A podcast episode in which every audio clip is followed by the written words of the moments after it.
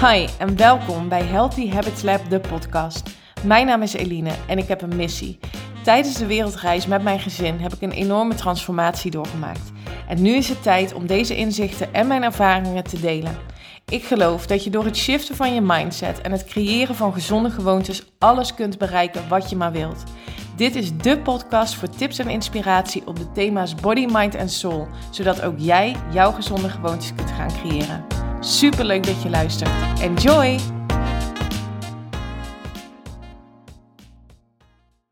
Welkom bij de allereerste aflevering. Ik vind het echt te gek dat je luistert en ik vind het zelf ook heel gaaf om dit uh, te doen. Toen ik een aantal maanden geleden begon uh, met ondernemen, toen wist ik, ik ga ook podcast opnemen. Omdat ik het gewoon een hele makkelijke, laagdrempelige manier vind om uh, tips en inzichten en inspiratie te delen.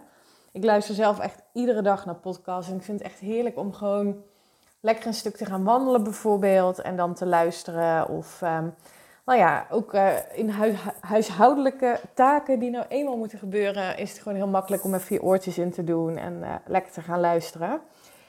Ik hoop dat ik je mag inspireren met mijn podcast. En um, ja, de allereerste aflevering wil ik graag gebruiken om ja, een soort van introductie te doen van wie ik ben en um, waar ik vandaan kom, um, over onze wereldreis en uh, ja, de keuze die ik heb gemaakt om uh, te starten als ondernemer. Ik um, kwam thuis in het voorjaar, het was een maandagavond in 2018. En Michiel die zat op de bank. Michiel is mijn, mijn vriend. We hebben samen, dat is misschien goed om even eerst nog te vermelden. We hebben een zoontje, Teun, die is in augustus drie geworden. En um, die was een, ook al toen ik dus die avond uh, thuis kwam. Toen was Teun, uh, nou zeg iets, negen maanden ongeveer. En ik kwam thuis en ik zei, ja, ik ben er echt zo klaar mee. Waarom verkopen we niet alles en gaan we gewoon op reis? En het grappige was dat het leek alsof ik vroeg uh, of hij een kopje koffie wilde of zo. Want hij zei gelijk, ehm, ja, waarom niet? Laten we uitzoeken wat we moeten doen. En ehm, ja, we hebben niks te verliezen, dus ja, laten we het doen. En dat was echt wel een heel gaaf uh, moment. Want we hadden al best wel vaak gesprekken over... Is dit nu het leven wat we willen, willen leiden? Wat zouden we graag willen? Waren, we waren tevreden met, uh, met wat we hadden, wat we deden. En uh, zeker als je weet dat um, nou ja, anderhalf, twee jaar daarvoor uh, best wel een lastige tijd is geweest. voor Michiel met name. Um, ook werkgerelateerd. Maar goed, daar wil ik niet te veel over uitweiden. Um, hadden we het best wel goed nu. We hadden allebei een prima baan, een leuk inkomen, mooi huis, noem maar op. Uh, maar het leven kabbelde voort. Misschien herken je dat wel. Um, je staat op ochtends en soms was het een beetje een race tegen de klok om uh, Teun op tijd weg te brengen. Hup naar kantoor, een lange dag werken en dan uh, weer hup die auto in om uh, Teun snel op te halen, boodschappen doen, eten koken. En ja, vervolgens plof je dan um, redelijk vermoeid op de bank. En datzelfde riedeltje deed zich de volgende dag gewoon weer voor. En um, ik, laat ik vooral voor mezelf spreken, besteedde weinig aandacht aan sporten en um, voor mezelf zorgen. Omdat ik iedere keer dacht, ja als ik de rust heb en als ik um, um, ja, niet zo druk meer ben op mijn werk bijvoorbeeld, dan heb ik daar tijd voor en dan komt dat wel, zeg maar.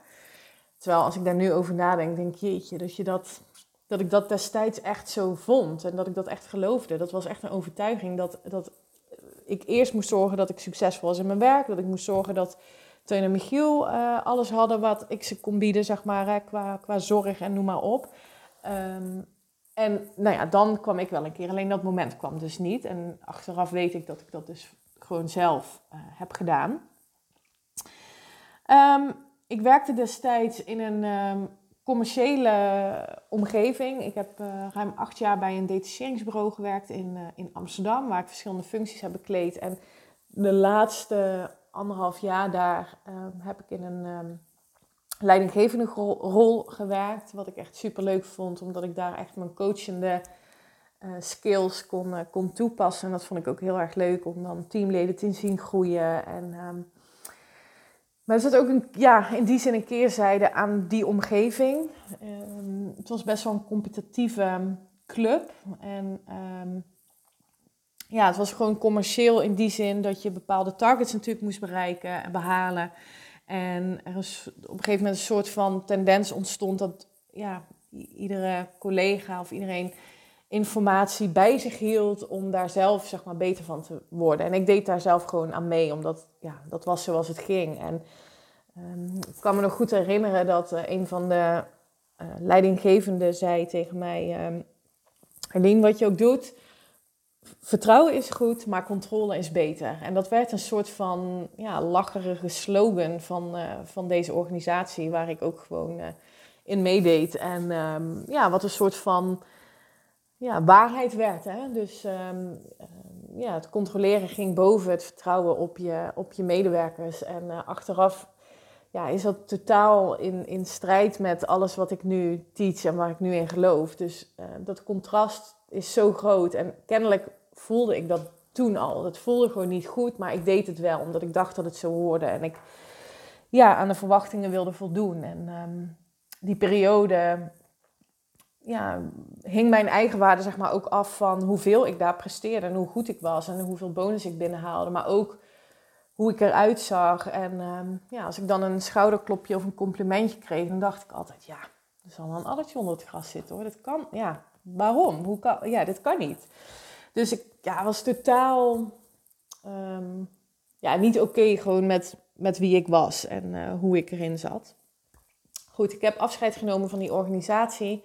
En um, het leuke was toen um, dat ik benaderd werd door een van mijn klanten, van, uh, waar ik dus acht jaar lang uh, mee heb samengewerkt. Uh, of ik voor hun iets kon betekenen in, in het opzetten van een, van een HR-afdeling en daar een rol in kon bekleden. Ik heb aangegeven, nou, we hebben besloten om op reis te gaan, maar tot die tijd wil ik dat wel doen. En ja, dat was een van mijn allerleukste klanten, al dan niet leukste klanten. Dus ik vond het te gek om, om met hun aan de slag te gaan. En al snel ontstond het thema vitaliteit. Omdat zij, ehm, wat zij heel goed doen, is dat zij geloven dat een succesvolle organisatie komt vanuit vitale medewerkers. Alleen daar zijn nog stappen in te maken. Zij doen al heel veel voor hun medewerkers, maar echt een strategie erop loslaten, dat deden ze nog niet. En ehm, ja, ik had daar uh, bepaalde overtuigingen in hoe we dat zouden kunnen doen. Dus ik mocht daarmee aan de slag. Wat echt ehm, heel gaaf was. En uh, zelfs tijdens de reis heb ik nog een aantal uren voor hen uh, mogen werken. Um, dus nou ja, goed, een aantal zaken achter me gelaten. En um, uiteindelijk zijn wij in april, uh, nee, 1 mei 2019 zijn we vertrokken op reis. En um, ja, daar gingen een aantal best wel bijzondere weken aan vooraf. We hebben ons huis verkocht. We hebben de meeste van onze spullen verkocht. Um, afscheidsetentjes, borreltjes. Ja, dat waren best wel bijzondere uh, momenten, omdat het dan steeds meer gaat leven en dat je steeds meer bewuster van bent dat dit echt een mega stap is die we, ja, die we nemen. Nou, uiteindelijk stonden we op Schiphol met uh, vrienden en, uh, en familie. En ja, tuurlijk is dat dan even een pittig moment, omdat je weet dat je elkaar lang niet gaat zien. Maar het was zo mooi dat iedereen het ons zo gunde. En Um, ja, dat was gewoon op zich heel fijn om weg te gaan. Um, en we liepen ook door de douane en dat was een ja, bijzonder moment. We keken elkaar ook aan van, ja, dit, dit is gewoon nu uh, onze ultieme vrijheid en dit is ons moment. En we gaan hier echt zo van genieten met z'n drieën. En ja, dat was echt fantastisch.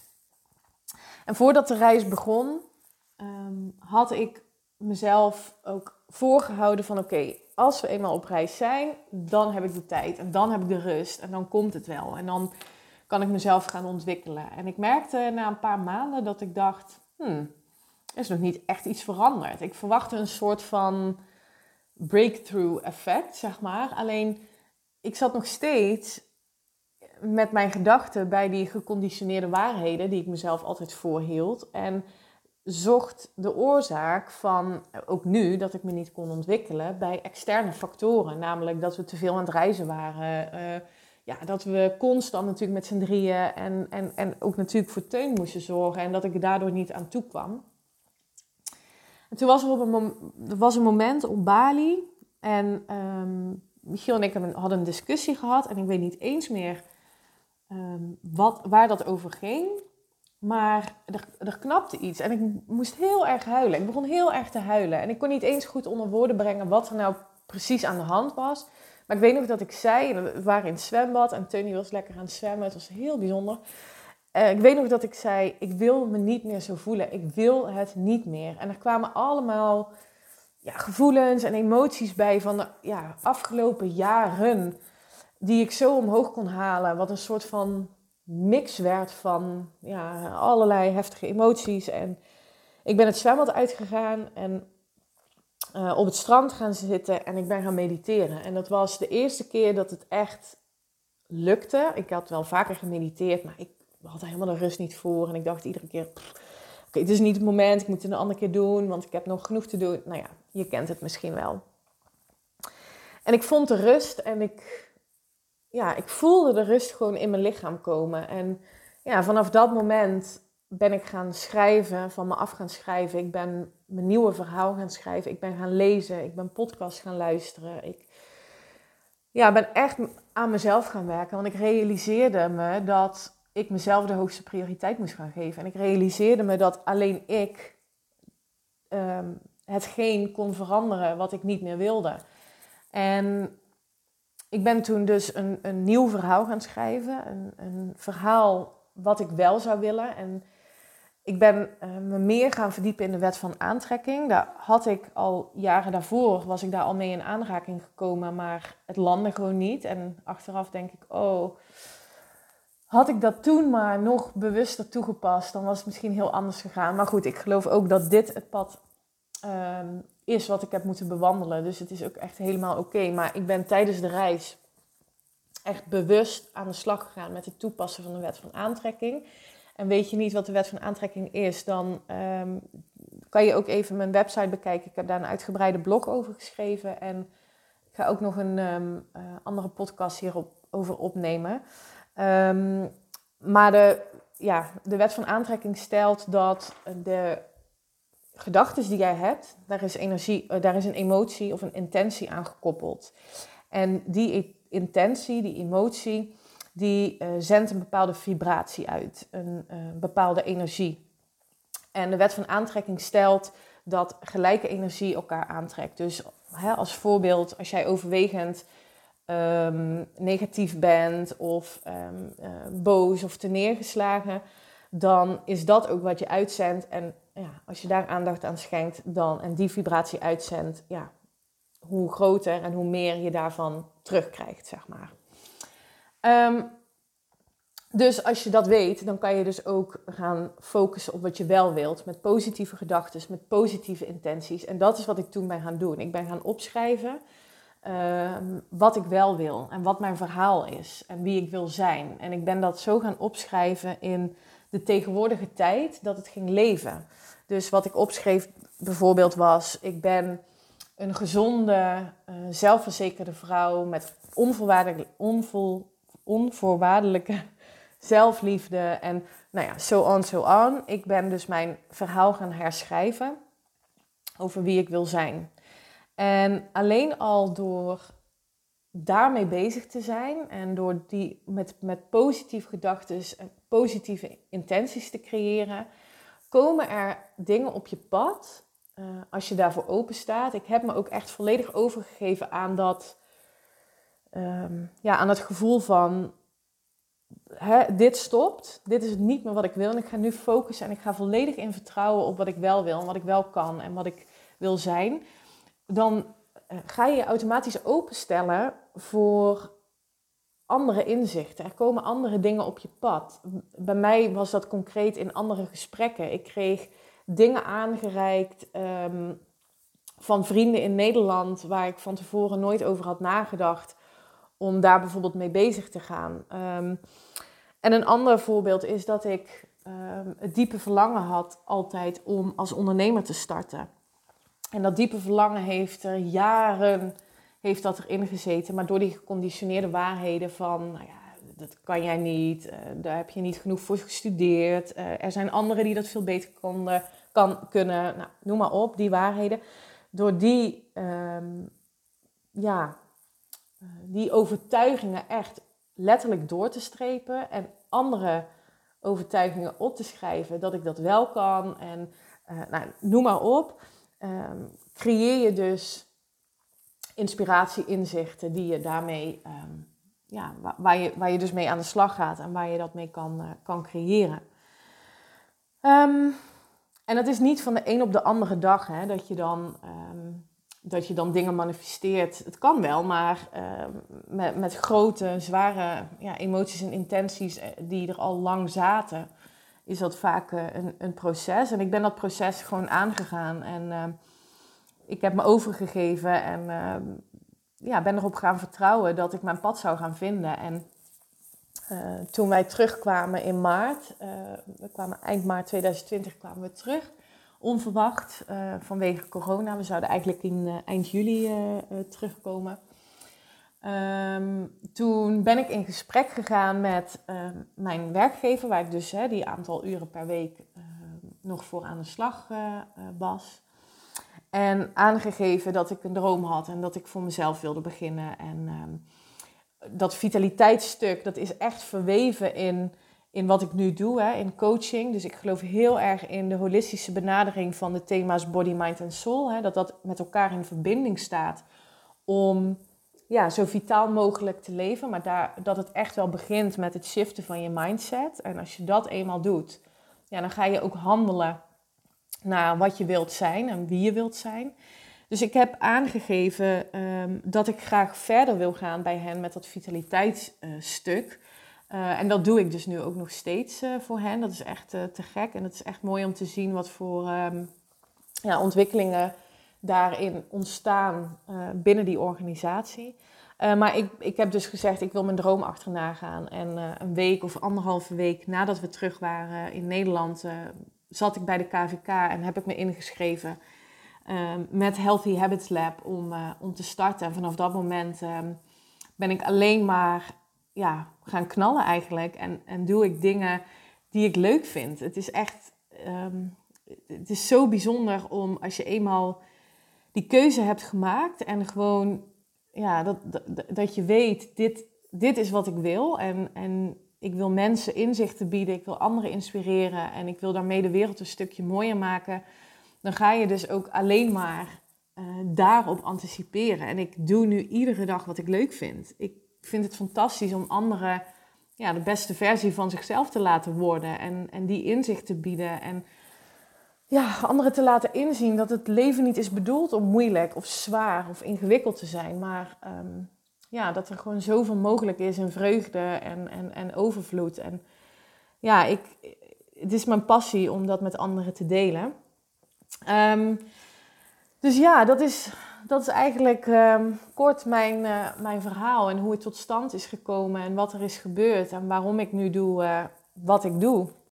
Ik geloof ook echt dat iedereen hier op aarde is met een reden. En um, ja, dat iedereen beschikt over unieke talenten en kwaliteiten die we ja, gewoon optimaal moeten benutten om de wereld wat mooier te maken. En ik geloof vooral ook dat het begint bij jezelf. En als jij volledig oké bent met wie je bent, dus onvoorwaardelijke zelfliefde kunt creëren, ja, dan pas kun je er ook echt voor anderen zijn. En daar ben ik van overtuigd. En dat is misschien niet makkelijk en dat is een proces, dat heb ik zelf ervaren.